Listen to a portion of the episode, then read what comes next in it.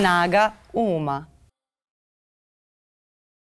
Dobar dan, dragi ljudi, dobrodošli u podcast Snaga Uma. Ja sam Miljana, a mi ovde iz ponedeljka u ponedeljak nastojimo da razgovaramo u suštini o našem mentalnom razvoju, o onome što nas zaista definiše i često dira u srž.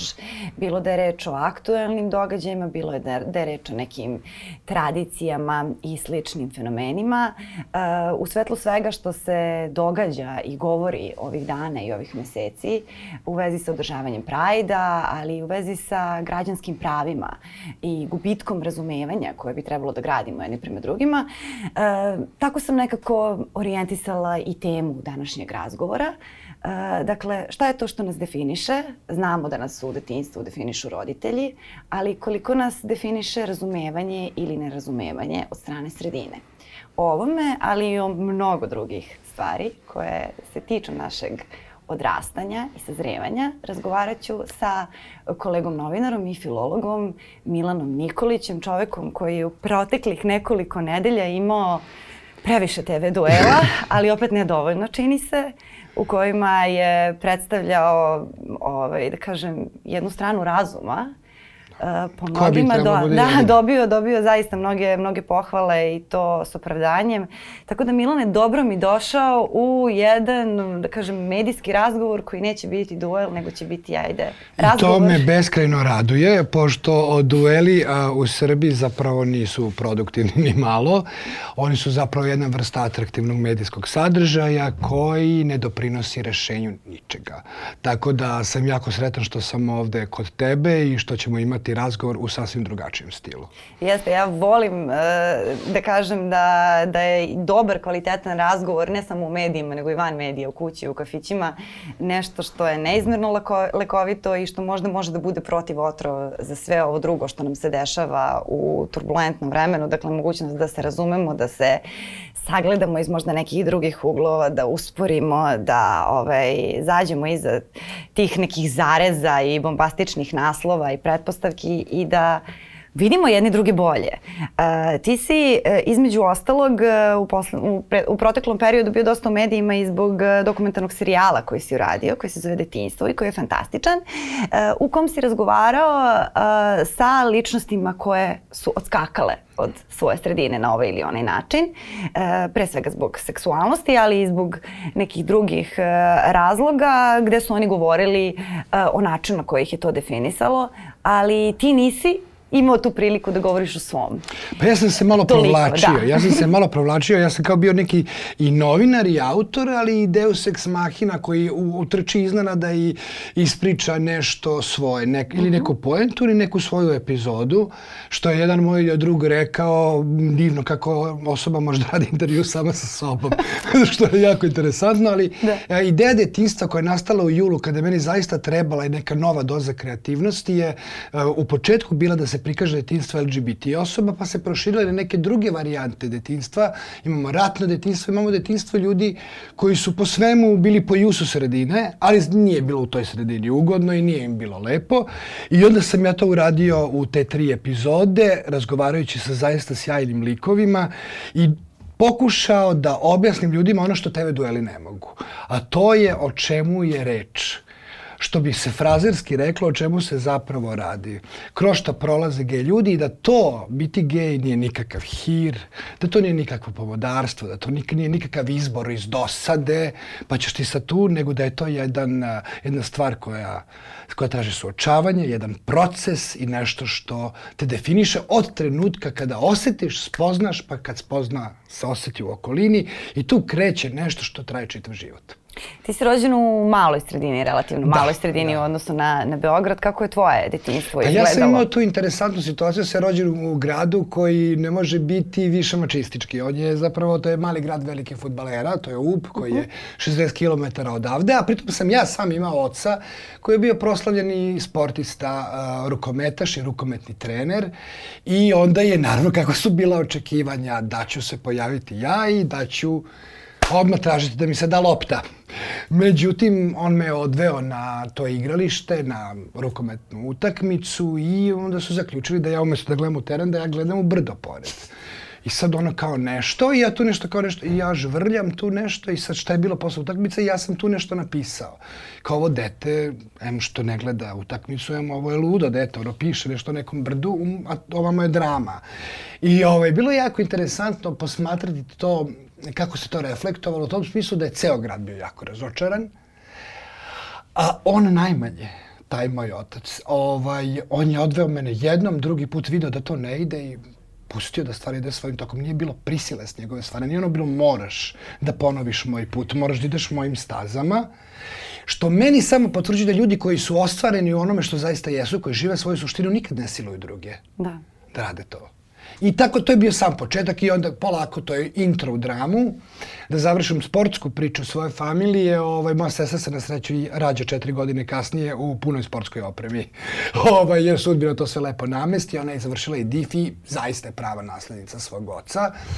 Dok ja u istoriji familije nemam, ja, ja sam sam svoj naslednik, nisam ponovio niči, ničiju priču, ali sam doživeo taj jedan susret uh, sa razočarenjem koje je progresivno išla kroz vreme. Što je moja različitost bila veća, a to potvrđuju i sagovornici u mom serijalu iz njihovih uglova, to, je i, to su i otpori bili veći, to je neslaganje bilo veće, to je pritisak na mene bio veći i onda kao čekaš taj prijemni ispit za fakultet i trenutak kada ćeš da pobegneš.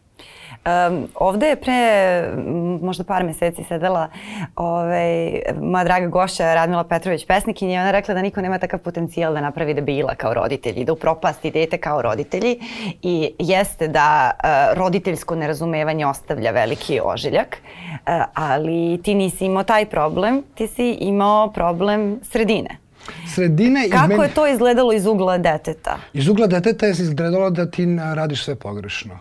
Svi ostali su u pravu, svi ostali su na mestu, svi ostali su ok, s tobom nešto nije u redu. Znači, vrlo važan savjet za roditelje koji imaju dete koje razlikuje se razlikuje je da mu oni objasne, ne slušaj to što ti pričaju ljudi okolo, ti si super, to su tvoje, o, ti vrediš, ti zaslužuješ da ti se dešavaju lepe stvari i jednostavno ignoriši, suprotstavi se, nađi neki način da tu preživiš. To je ono što je važno bi trebalo da bude poruka. Jer ako roditelj dođe i kaže, pa da, u pravu su što te maltretiraju jer a, ne možeš da daš go, onda je to zaista put u propast. I onda nema, nema, nema dalje. Ja se sećam te situacije na rukometnoj utakmici, to su analogna vremena, to su 80. Pa sad ima oni neki stalak sa domaći gosti. Uh -huh. Koliko je ko dao golova. Da, da. I sad nestao je taj dečak koji je tu menjao to kako neko da go i ja se tu nađem i potpuno pobrkam cifre. I to je bilo urlanje sa tribina. Ne, ne, ne, ne, ne, ne, tako ja se tu bukvalno kao na pozornici i sečem. I tu jedna je učiteljica, to, viš kako ti pamtiš nešto što je bilo pre 35 godina, učiteljica se jedna našla koja je rekla, pa, pa ko je njega stavio da on to menja? Ja ne, ne samo što ne mogu da učestvujem u utakmici, nego ne mogu da promenim ni, ni rezultat. Da, znači, da. stravične su poruke sredine. Ljudi vrlo često nisu svesni onoga što izgovaraju i nisu svesni koliko bola nanose drugima. Da, naročito, mislim, ajde publika, to je već on malo psihologija mase, rulja, ali učiteljica ne bi smela da ima su, takav komentar. A, da. pazi, učiteljica u komunizmu, u socijalizmu, koliko učiteljica je bila autoritet. Da. Ono, mislim, kako se Jeste, zove, da, poštovalo da. se, pritom ima sva prava da ti ono odvali glavu šamarom. To nije bila sva sreća moja učiteljica, ali je bila učiteljica škole u malom mestu koju ti znaš kao učiteljicu i to je recimo bilo jedno od sećanja. Da. E, I ti si tada imao koliko godina? Pa 6, 7, 8, 5, sve jedno je nije, nije, to je raslo kroz vreme. Da, dakle to je zapravo ti kada kreneš da izlaziš iz to je, tog primarnog porodičnog okruženja u spoljni svet i kad krećeš da se susrećeš e, sa drugom decom, sa drugim ljudima, vrlo rano e, stičeš utisak da nešto s tobom nije u redu, da vrediš manje, što je inače problem mnoge dece da, da se prilagode društvu i tako dalje. A kako se onda to dalje odražava na tebe, na tvoj život i na tvoje, na tvoje sazrevanje? O, odražava se pre svega na odnos prema sebi. Uh. -huh. E sad, neki ljudi ne rade na sebi u smislu nemaju intelektualne kapacitete da shvate šta im se dogodilo. Dobro. Bukvalno kažem šta im se dogodilo, jer kad si dete, ti ne možeš da budeš saučesnik. Ti nisi u taj koji dela. Nisi da. u poziciji akcije. Ti trpiš nešto. Znači, u toj si poziciji da trpiš, ne možeš ništa drugo, nisi, čin, nisi uh, vinovnik bilo čega. Da, da ne možeš da izazoveš. Ne možeš da izazoveš, da. ovaj, ne ljude nervira samo tvoje postojanje. I to se i danas dešava, jer kao da LGBT zajednica recimo je nevidljiva, a može, samo kao takva može po mišljenju desničarskih stranaka da postoji, sve je bilo okej, okay. ona je nevidljiva i neka je tu. A mi smo većinski mi vidljivi, ne samo što smo vidljivi, nego ćemo još i da vam ono kadimo ulice svaki dan. Tako da intelektualni, nemaju svi kapacitet, zavisi koliko su ljudi i školovani da shvate šta im se dešava. Ima onih koji imaju pa guraju pod tepih. Ima i oni koji hoće da se uhvate s tim. Ja sam hteo da se uhvatim sa tuaž daju, pa ono da bude zaista borba na sve ili ništa. I birao sam metode, jako veliki deo svog života, da se sa tim sitnim, malim, obespokojavajućim glasovima koji ti šapuću nećeš uspeti, uh -huh. da im kažem da hoću, jer osjećao sam da imam potencijal da uspem u onome u čemu su mi oni govorili da nećeš dve rečenice su bitne da ti dodam. Uh -huh. Od, suprotna stvar, od prvog razreda sam slušao kako sam pametan, jer sam tad napisao svoju prvu priču. Pametan, pametan, školan, pametan, jao što će on biti super, on je briljantan, ovo ono. I onda dođeš, ja nikada nisam imao sumnju u sebe kad mi ponude neki posao, da li ću ja to moći. Da. Zato što ima pozitivno, tu si imao pozitivnu o, o, po, polazište. Ceo grad je govorio, važio si za pametnog, ali za sve ostalo nisi. I iz detinstva zapravo polazi sve. Ja nikada nisam imao problem s poslom, toliko puta i radili zajedno, da, da. ali sam u smislu svoje vrednosti na drugim poljima imao duboke dileme i ja sam našao, natražio načine da se s tim obračunam i da pobedim na kraju. Um, određena vrsta anksioznosti ostaje čitav život ovaj, sa vama, zato što je predugo trajalo, predugo ste u pogrešne stvari učili, ali ako nađete metod, šta god to bilo, da objasnite sebi šta je zaista istina, vi ćete pobediti. A koje su stramputice recimo na koje si odlazio, ne bi li se dokazivao na pogrešan način dok nisi pronašao sebe? Pa, ja sam mislio da ću preko velikog tela da dođem do sigurnosti u sebe, uh mhm. -huh. pa sam početkom 2000-ih ušao u teretanu. Na, za razliku od brojnih mojih prijatelja koji u teretanu ide kao na giljotinu i plaču što moraju da idu, pa imaju fazu kao ja sad ću kupim nove patike pa će to da me drži, da me motiviše, što je naravno motivacija za tri dana. Meni se teretana dopala. Uh Ja sam i dan danas tamo. Ovaj, ali on, a veliko telo ne može da da veliko samopouzdanje, zato što se preko tela ne leči duša. A, već obrnuto, mislim, ne može se tu. Ja sam pumpao to gurao, imao sam veliku sreću što sam to zaista zavolao. I to je dan danas deo mog životnog stila, da ja u, u sredini svojih 40-ih idem šest puta nedeljno na trening. Ima to svoju i drugu stranu, ageizam, ostati u igri, biti privlačan. Ja sam single muškarac, rešen za to da ovaj, vrlo oprezno ulazim u veze i ovaj, više volim promiskuitet od nekih mirnih luka, nažalost to je tako. Ovaj, kome se sviđa, sviđa, kome se ne sviđa, ne, ali ovaj, to je bila prva stramputica koja imala neke dobre svoje pere. Onda ovaj, je stramputica bila i pomisao odustajanju, to je najopasnija. I jedino Odustajanje što je, u kom smislu? Odustajanje od rada na tome. Tako je kako je povuci se skroz. Od rada na, na, na sebi, na, če, na čemu? Na, na... Od rada na konkretnom problemu koji se zove a, izgradi svoje samopouzdanje uprkos -hmm. porukama iz detinstva. Ja sam gledao ljude, ja to nikad nije bio moj slučaj, ja nisam nešto nikad bio poročna osoba, ovaj, koji su odlazili u alkohol, odlazili su u zablude, odlazili su to, tešili su sebe da mogu oni da se da prihvate pravila većine, da se ožene, da se da dete polako to će da nestane. Da budu ispravni pod da znacima ispravni. navoda, da. I onda čuješ posle 20 godina ju Obesio se u garaži. Pa što? Pa kako što? Pa kako što?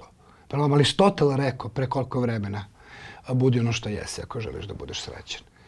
Moja stramputica je bila možda pomisao da odustane, bile su te neke epizode dvoumljenja, ali a, veći deo puta je bio dobar. I ja sam danas, pa ajde da kažem, 95% svoj na svome.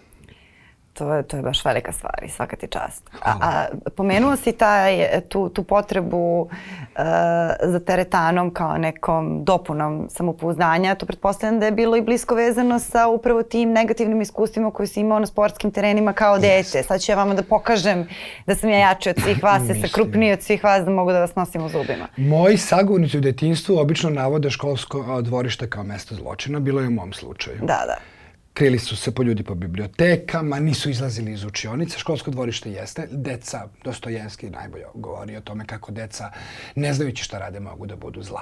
Uh -huh. A, ali teretana je zapravo, sad ću da vam pokažem, je ostala je to nešto kao dužnost. Ti si dete svog oca, daj pokaži. I ja kaž, ponavljam, mnogo sam imao sreće što sam to zavoleo. Dopadalo mi se, a, dopadao mi se način na koji se moje telo menja.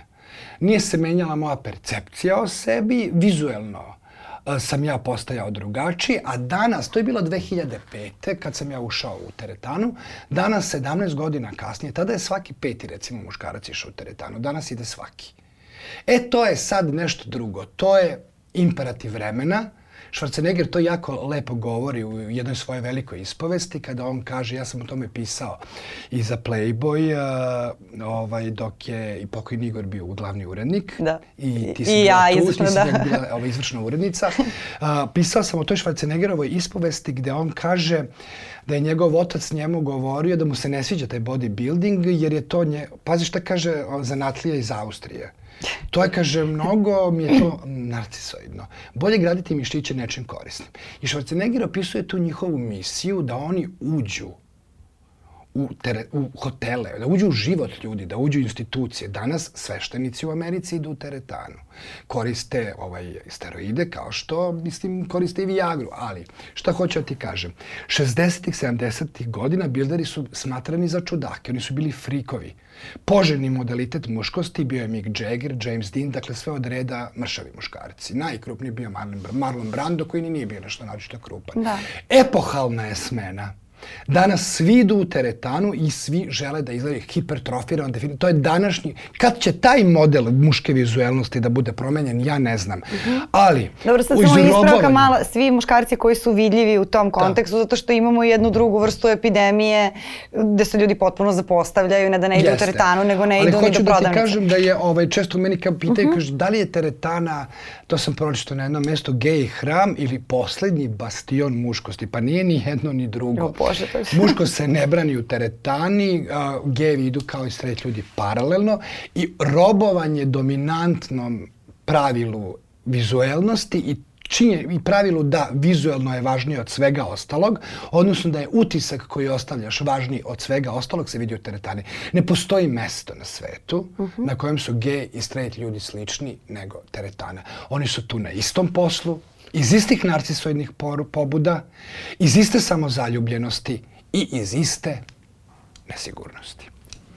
Da, to je, to je mnogo velika tema. Ogromna. Ogromna je istinita. I tu... A gde je tu, pošto si ti prošao taj, sad malo iskrećemo s teme, ali ovo je zaista, zaista isto velika tema.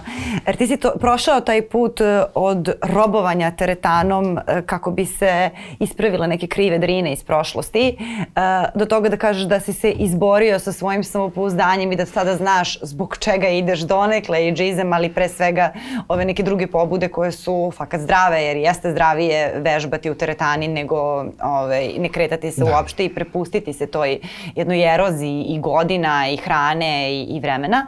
E, gde je tu mera? Kako si ti pronašao tu meru ja sam i da, kako je prepoznaš? Da, sve čitav život bio čovek ekstrema mm. i ja ili ne radim ili, dođem, ili da, ne smirujem se dok ne dođem do zida. Pa sam znao i da platim zbog toga. Ovaj, sve sa merom, što bi rekao Sterija Popovića i stari latini, treba je pronaći. Danas je moja mera u tome da ja više ne postavljam sebi nikakve rekorde. Sad, progresija ove jeseni, idem na 120 kila iz benča pa na 100... Ne. Ja danas vežbam, a da to vežbanje za mene bude uživanje. To ne znači od smislu povlađivanja sebi. Ja sam prema sebi zauvek ostao jako strog zbog uh -huh. vas vaspitanja, na koji su mene vaspitavali, najstroži sam prema sebi, ali trudim se da mi bude ugodno i lepo i da ne bude tortura i da ne bude obavezujuće. Tako da to je po meni neka vrsta mere. Kod mene ima toga, u životni stil muškaraca, gej muškaraca vizuelno je jako, jako važno, mada evo malo pre sam rekao da ni straight ljudi nisu ništa sada drug, mnogo drugačije od tome. Istraživanje pokazuju da lakše dolazite do posla, do svega ukoliko lepo izgledate u savremenom svetu, mnogo vam se vrata brže otvaraju. To je prosto tako, koliko je to dobro ili površno, da, čak su, ne čak znam. Su, čak to ide do te mere da postoji jedno istraživanje, pošto u Americi postoji to, u pra, američkom pravosuđu postoji to glasanje porote, da a, atraktivni osuđeni imaju veće šanse da dobiju manju kaznu od onih koji to nisu. Ako da. je dotle ide, onda jer to prosto... Apsolutno, apsolutno. Da, to je prosto neka biologija, verovatno, ljudskog mozga koja nema veze ni, ni sa kulturom, niti sa bilo čim, nego nam da. je u prirodi. ja jednostavno idem da vežbam zato što hoću da ostanem fit i drugo, kažem ti, zahvaljujući dominantnim stereotipima i pravilima, meni to vežbanje omogućuje da imam telo koje hoću, telo koje hoću meni omogućuje da mogu da ovaj, se dopadnem kome ja hoću i bez mnogo truda i ne, najiskreni sam sada, ovaj podcast se zove Snaga uma i ovaj, najpogrešnije je doći u emisiju koja se tako zove Lagati i ovaj, ja neću da lažem. To je tačno. Ja jednostavno dopadnem se. Svi koji su se okliznuli u ovom podcastu, okliznuli su se na tu foru. Da, tako da, tako da neću tačno. da lažem, tebi mm. telo muškarcu koji ima to telo omogućava da može da spava sa osobom s kojom god želi da spava i ovaj a da ne mora da progovori ni reč. Mnogi ljudi koji dođu kod mene, ovaj možda sad već preterujem, a zaustaviću se, oni se razočaraju kad čuju da sam filolog jer zapravo domaštavaju da sam ja izbacivač iz diskoteke. I onda pa, a neki se oduševe. Ali, a šta učimo kroz život? Učimo da nam mišljenje drugih nije bitno, osim ukoliko nam je do tih ljudi stalo ti možeš e, da nekoga izbaciš iz diskoteke i da mu recituješ prevera. Usput. da. da. Ako treba, iz diskoteke. Toliko smo stari da koristimo termin diskoteka. Zamislim. Ali dobro, to, je, to, to sve ide u rok službe. I separea, Sad... to je magija. Separea. Da, da, da. To je magija novog doba. Um, uh, pomenuo si taj, taj moment uh, pobeđivanja strahova i, i, i pronalaženja sebe. E, što bi trebalo da se dešava u mnogo ranijim godinama i ne znam, ukoliko gledam sada novije generacije kojima e, je mnogo pristupačnija i psihoterapija i rad na sebi. Dakle, pedagogija je uznapredovala. E, oni već sa 23 24 godine e, veoma jasno znaju i da definišu svoje granice i šta žele u ljubavi i šta žele u seksualnosti. Dakle, to se desi mnogo brzo e, u odnosu na neke naše generacije, a naročito ukoliko je ovaj, to podrazumevalo neku vrstu stigme kada ti moraš da prođeš taj jedan period prolaženja kroz sobstveni lični pakao i lutanja kako bi se pobeglo od svega toga što ti je porodica ili sredina natovarila um, u, u tom periodu mm -hmm. odrastanja. I, I zbog toga je možda ova vidljivost koju neki tradicionalisti tretiraju kao lošu tako jako, tako jako važna. Ti si rekao da nisi poročan, ali svi mi znamo ljude koji su prolazili kroz taj pakao, iako to nije njihova priroda, upravo zbog toga što su bežali od tog nekog osjećaja da nisu dovoljno dobri, da nisu poželjni, da ih roditelji smatraju pokvarenim, nekako neprirodnim i tako dalje i da im je trebalo strašno mnogo vremena da tek u 40. godinama dođu do toga da, da znaju kako da uđu u zdravu vezu, kako da pronađu neki lični mir, šta god on to podrazumevao, a to je stvarno mnogo veliki put da se prolazi i nepotreban je put Nepotreban. Eh, da se prolazi. Laž je strašna e, ždaja. A tebi je, da, a tebi je sada došao trenutak, sad imamo o, ovaj nalet e, tih debati te, da. televizijskih uh, povodom Europride koji je tebi došao u pravom trenutku onda kada si se osnažio i kako je to sve učestvovanje, suočavanje sa svim tim šešeljima, Boškom Obradovićem, sa svim tim lekarima koji govore neke stvari koje ni lekarska komora ne podržava, teolozima, da, teolozima. Teolozima tabloidnim zvezdama. Mi imamo autohtone vrste ovde. Ja sam imao četiri jaka TV duela za sada. Ona mhm. počela sa jednim jako pristojnim čovekom, ali pristojnost nije opravdanje za stavove. Kostićem, on je zamenik Boška Obradovića. Nastavilo se sa tim nekim teologom Srećkovićem, za koga sam ja noć pre gostovanja mi je malo kasnije javljen, sam shvatio da je on tabloidna zvezda. Znači, duel je bio taj sa Boškom, gde se ja nisam libio da mu postavim, on kolega s fakulteta. Sa Boškom Obradovićem, da. Boškom da, Obradovićem, on je godinu dana stariji od mene i ja ga se sećam, sećam se Munja iz njegovih očiju koje su išle kad on hoda filološkim fakultetom koji je ženski fakultet. A tu je jako mali broj muškaraca i jako je među tim muškaracima, jako je dosta gej muškaraca. Zašto je to tako? Ne znam. Ali ovaj, kad on prođe ide i crne kovrđe i taj pogled i valjda je tek pristigao bio iz tog Čačka i onda ovaj, je svašta tu njemu bilo čudno. Pazi, to su 90. kad neko prođe s crvenim rancem ili sa, ne daj Bože, roze patikama ili ne drži ruku onako kako straight muškarac, straight normativne podrazumeva ili je otvoreno feminiziran, to je bilo strašno. I poslednji je ovaj, zapravo i bio sa Aleksandrom Šešeljem. A, mislim da ti TV dueli A, nema tu pitanja hrabrosti zato što a, mi moramo da dobijemo tu bitku. Ta bitka se ne zove Europride, ta bitka se zove a, živeti slobodno.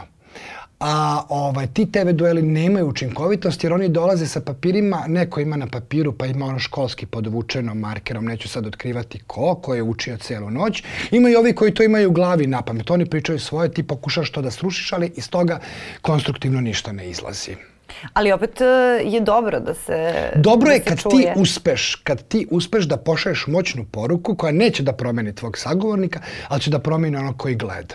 Ja mislim da sa svojim pitanjem Boško Bradoviću dali bi na dva sata, ako je to neophodno poverio svoju decu meni ili Kačavendo i Pahom ili Pahomiju ili ne znam ovaj uh, Ivici Božiću ili ovaj Gladović što prodaje parfeme, ovaj pomerio ne, nešto. I tu su se, meni se javilo stvarno ja mislim preko 60 straight roditelja iz Srbije, Hrvatske, Crne Gore, Vojvod, mislim, Slovenije. Ja ne mogu to tebi da opišem. Meni je to fascinantno.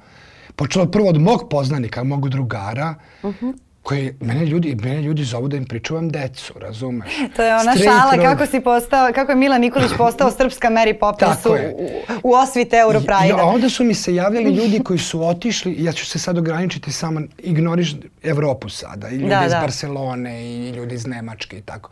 Onda su se javljali ljudi koji su iz Rijeke, recimo jedan par, venčanih, homoseksualci koji žive u nekoj vrsti zajednice, ne znam mhm. šta je, u kojoj eksiju državi legalizovano sada i ovaj i govorili o svojim iskustvima i zapravo meni je to bilo meni je to bilo jako značajno zbog toga što kada se kada dođemo do žrtava mhm. Kada dođemo do manjine, Jugoslavija se probudi. Zapravo ona živi sve vreme kao duhovni prostor, kao korpus ideja, kao neki vrednostni orijentir, kao konsenzus o antifašizmu koji smo mi imali do 90. godine. I onda se ona probudi, tu se, dželati se među sobom savršeno dobro razumeju i žrtve se među sobom savršeno dobro razumeju. To se pokazalo u ratovima, to se pokazuje u svakoj društvenoj borbi. A kako, kako na tebe utiče sada taj talas? Jer e, moj je utisak da je ipak postojalo jedno primjerje od nekoliko godina od onomad kad su se krale patike e, na, na Beogradskom Prajdu i palile ambasade, pa u tom jednom periodu kada je zaista Pride bio jedan događaj u Beogradu kada si ti mogao da šetaš i da se slikaš i, i da e, mm. ne ideš baš u boji, e, da ne ideš na sobstvenu odgovornost. E, kako, Kako sa to odjednom? Je li to ne, ventiliranje gomila nekih drugih nezadovoljstava na manjinama? Ja mislim da je to strah zato što je euro. Uh -huh. I zato što dolazi najavljeno da 15-20 hiljada stranaca dolaze. Oni sada vide da Beograd postaje neka prestonica nastranosti. Oni vide sada Beograd kao zaista Sodomu i Gomoru. Oni se plaše stranog. Za njih je biti gej strano, a tek sad da im dođu stranci gevi, to je dupli strah. Kapiraš? Uh -huh. I mhm. odatle ta jedna stravična postava. Strah je parališuće osjećanje. A ako se njemu ne pogleda u oči i ne dopusti se nekome da mu objasni, da razglobi taj strah, on se po pravilu pretvara u mržnju, u blokade. To su i na individualnom i na kolektivnom planu. Bez Kad si ti prestao da se plašiš toga? Pa prestao sam da te mržnje, mislim, ne stranaca Ja sam koji... ovaj, pa ne znam da sam prestao, ovaj, stranaca se nikad nisam dobro, bojao. Dobro, razloga, da. Ali, ovaj, evo, odlazio sam i u teretanu, ovaj, sad posle tih duela, posebno tog da, da. Boška, da. i očekivao, spadi, to je Dorćol, mislim, Dorćol nije tek bilo kakav deo grada, očekivao sam da će biti možda neko nešto da mi kaže, prilazili su ljudi i mi Ala Simo rekao da mi čestitaju, ja sam bio iskreno šokiran. Ovo sad da napišem na Twitteru, da su mi čestitali u teretani za duel s Boškom Obradovićem, javilo bi se sto ljudi da napišu nije se desilo. A desilo se da mi čestitaju, da ti ne pričam šta se dešava o poradnjama po maksima, ovim poradnjama mešovite robe, što bi se reklo, i ostalo. Tako da... Ne, sem nestašice. Da, ovaj, ljudi jednostavno to... Ja osetim negde, znam šta, šta je paranoja, da je razlikujem od realnosti, osetim negde neki pogled. Imao sam svoju omiljenu kasirku u jednoj radnji, blizu firme gde radim i ona je strašno volela, bila ponosna na to što ona mene možda obraduje. Ja dođem na kasu, ona je već spremila ono što ja kupujem, jer ja ona, uvek isto kupujem, uh -huh. to su tri artikla. Da? Za početak radnog dana i to je uvek i u isto vreme, to je doslovno Josef K. Da. Da su se stvari dešavalo jutra onako kako ja to obično radim, ja ne bi uhapše. da, da. I, o, I ona spremi, to je kao preponosna je i onda i wow, i ja, hoćeš i kesu, idemo, give me five i to.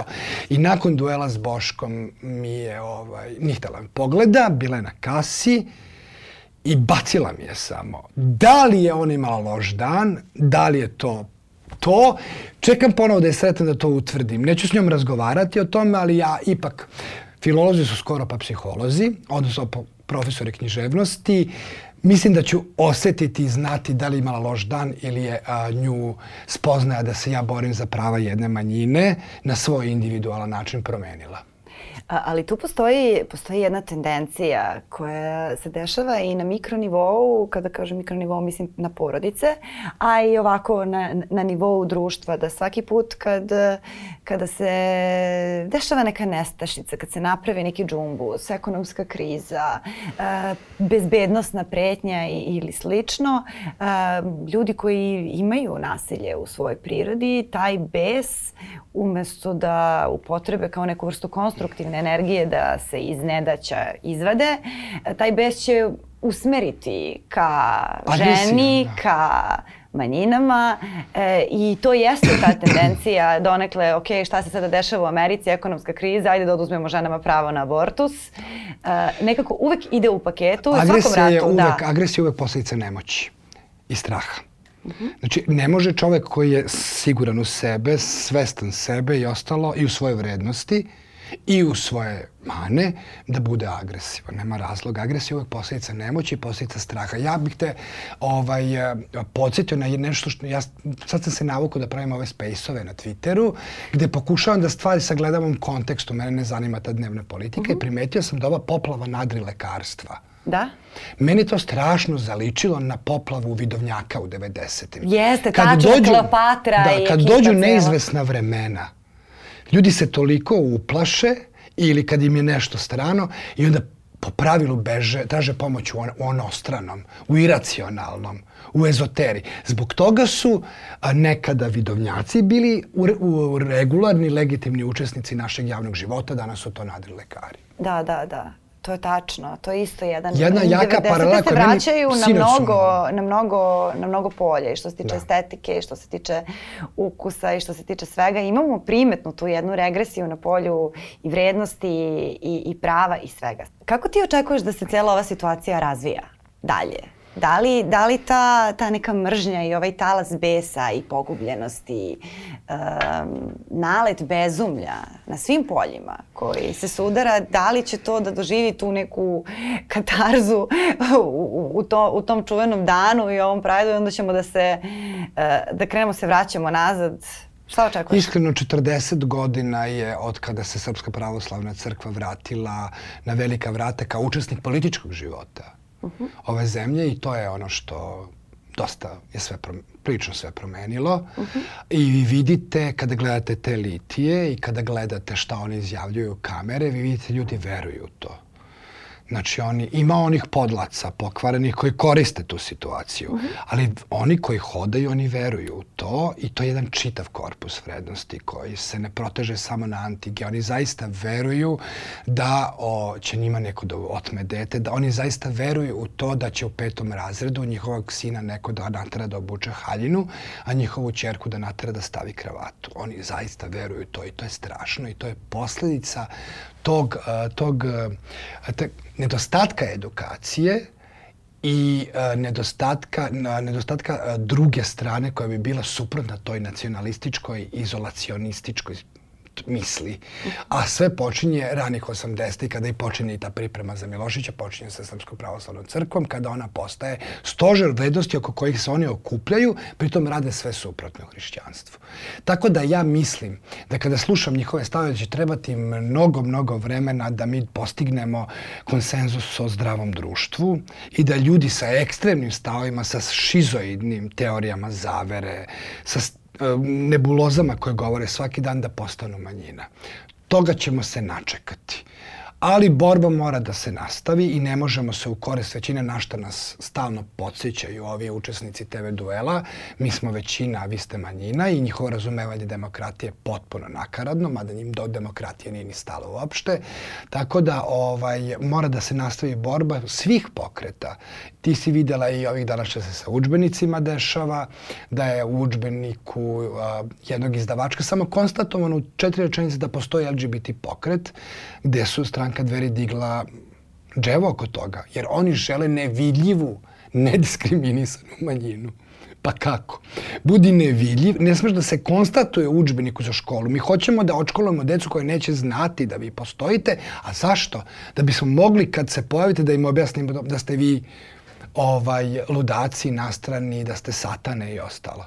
Znači, oni, pa onda feminizam. Jako je mnogo dodirnih tačaka između LGBT borbe i feminističke borbe da. postoji. Da feminizam, pa to je to zaokružio kao šta će ovo sad tu u programu. Da, feminizam, e, e, feminizam, LGBT, satanizam, to je sve isto. Da, apsolutno. da, to je Marčelo mnogo dobro e, primetio ovde kao kako, kako je u Srbiji sve sekta. Sve što, ne, sve što je drugačije je sekta. Božo vrećao, lepo peva, imate to važe, mora da je neka sekta. E, ovi homoseksualci, to je sekta. Feminiskinje sekta. Čim nekome nešto nije jasno, to će da se zalepiš etiketu sekte i idemo dalje. Sekta sa zapada. Da, mene su na, meni neki čovjek dao neki, neku definiciju mene samog, iako mu ja to nisam tražio. Ja to mora da prelazim. kaže, gej, komunista, levičar, e, kaže, sad sam sve video. Mislim, jer oni imaju iskrivljene, po, iskrivljene predstave o bilo čemu. O mnogim stvarima. Oni imaju predstave iskrivljene i o ovaj, političkim pokretima. Oni znaju sve, samo znaju šta je ono što im je neprijatelj. I šta su oni naučili o tome. A koliko u tome, zrn, da zdravo razum, koliko me samo teraju da ja ne znam gde se podižu te pare od NATO pakta koji mi plaća, između ostalom i ovo gostovanje kod tebe verovatno i ti ćeš verovatno da se ugradiš, ovaj, jer meni stalno upućuju na Twitteru na to da sam ja plaćen da pričam o što pričam. O, to, to je već podrazumeno. I to je i kao, i to ja kažem dajte stvarno, ako jesam, dajte samo mi recite da, da se prijavim pa ću i vas da častim. Jer ne možeš ti da se zalažeš za nešto, bilo šta, a da od toga nemaš korist. Mi nemamo tu zdravu ideju o solidarnosti i nemamo zdravu ideju o individualnoj borbi. Na nivou kućnog saveta kad treba promeniš roletne i da ne daš da svako boji terasu svoju boju, pa onda širenje ka svemu ostalom.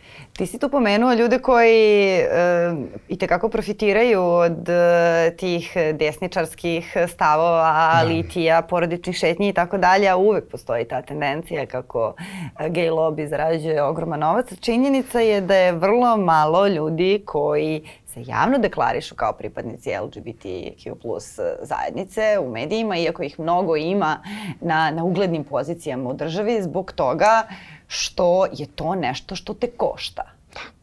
I tebe I ovo sada košta. Tebe bi mnogo više koštalo da si išao po televiziji, da si se zalagao za, ne znam, Ma ti izađeš izgubljene sad, bebe ili za tako nešto. Izađeš sada ispred uh mhm. -huh. vaše redakcije i kažeš Srpkinja je mene majka rodila, ne dam Kosovo, ua pederi, tog momenta ti kao ti možda prodaš bilo šta što ima, što ti padne na pamet. To ti je ulaznica za sve.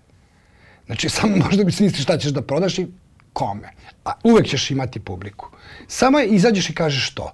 A izađeš i kažeš, hajde da prihvatimo da društvo ne može da bude jednoobrazno i da se međusobno razlikujemo, ti si plaćen.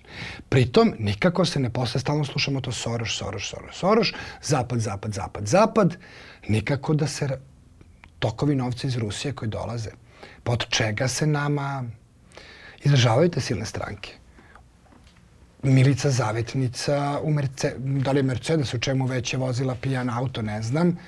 Milica Zavetnica koliko je potrošila novca u u kozmetičkom salonu i u odmaralištu Košuta gde se sa ekipom odmarala od predizbornih aktivnosti. Mislim, tokovi novca iz Rusije su vrlo bitni, ali to se ne postaje jer to je Rusija, to je Keva, to je majka, to su naši.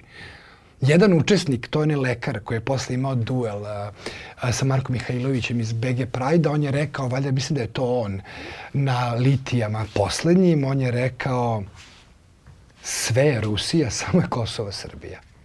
I kad ti dođeš da taj nivo šizo, ja ne znam kako da definišem taj nivo besmisla, ti shvatiš da ne možeš stvari ni o čemu da razgovaraš.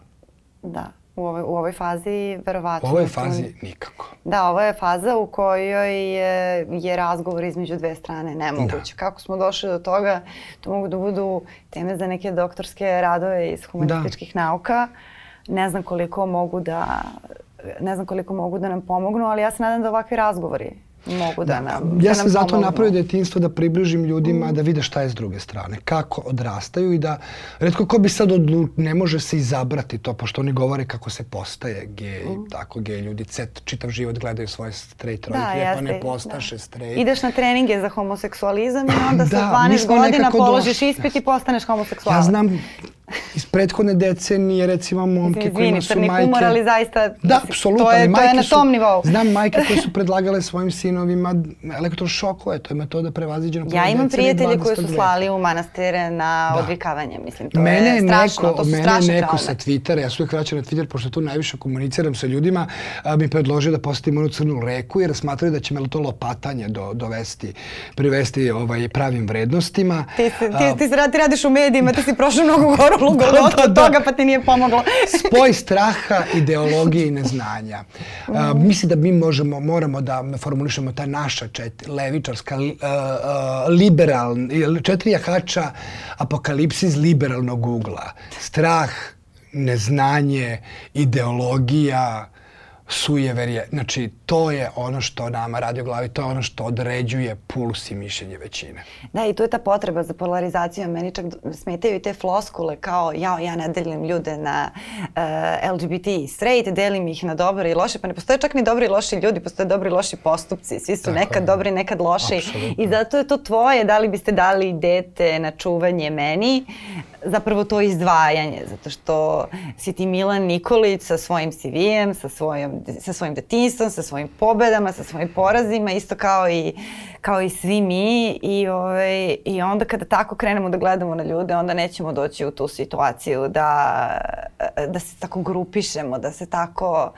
ovaj, osuđujemo i tretiramo jedni druge kao neku masu možda. Savršeno su izvršili zamenu teza u smislu da su oni sada ugroženi straight ljudi, to ovaj, govore ovi koji prate izjave ekstremista. Pa dobro, tako isto i nasilnici. Svaki put kada neka žena optuži nekoga ne, za silovanje, oni pričaju kako su ugroženi. To da. je onaj taj mit o Srbima mm. kao žrtvama svojih suseda i Srbima kao žrtvama Zapada. E, onda sad kako se to usitnjava, kad nemamo neprijatelje spoja, pa kad moramo da se delimo među nama samima, onda dođemo do toga da smo mi sada straight ljudi, većinski žrtve, gej ljudi koji apsolutno žive među njima najnormalnije.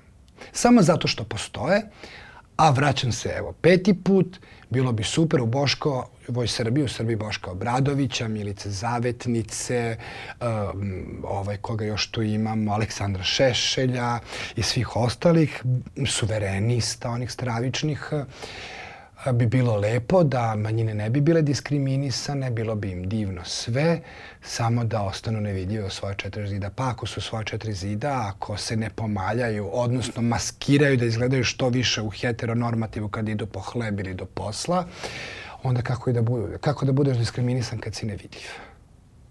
Mnogo te hvala. Hvala tebi. Razgovoru.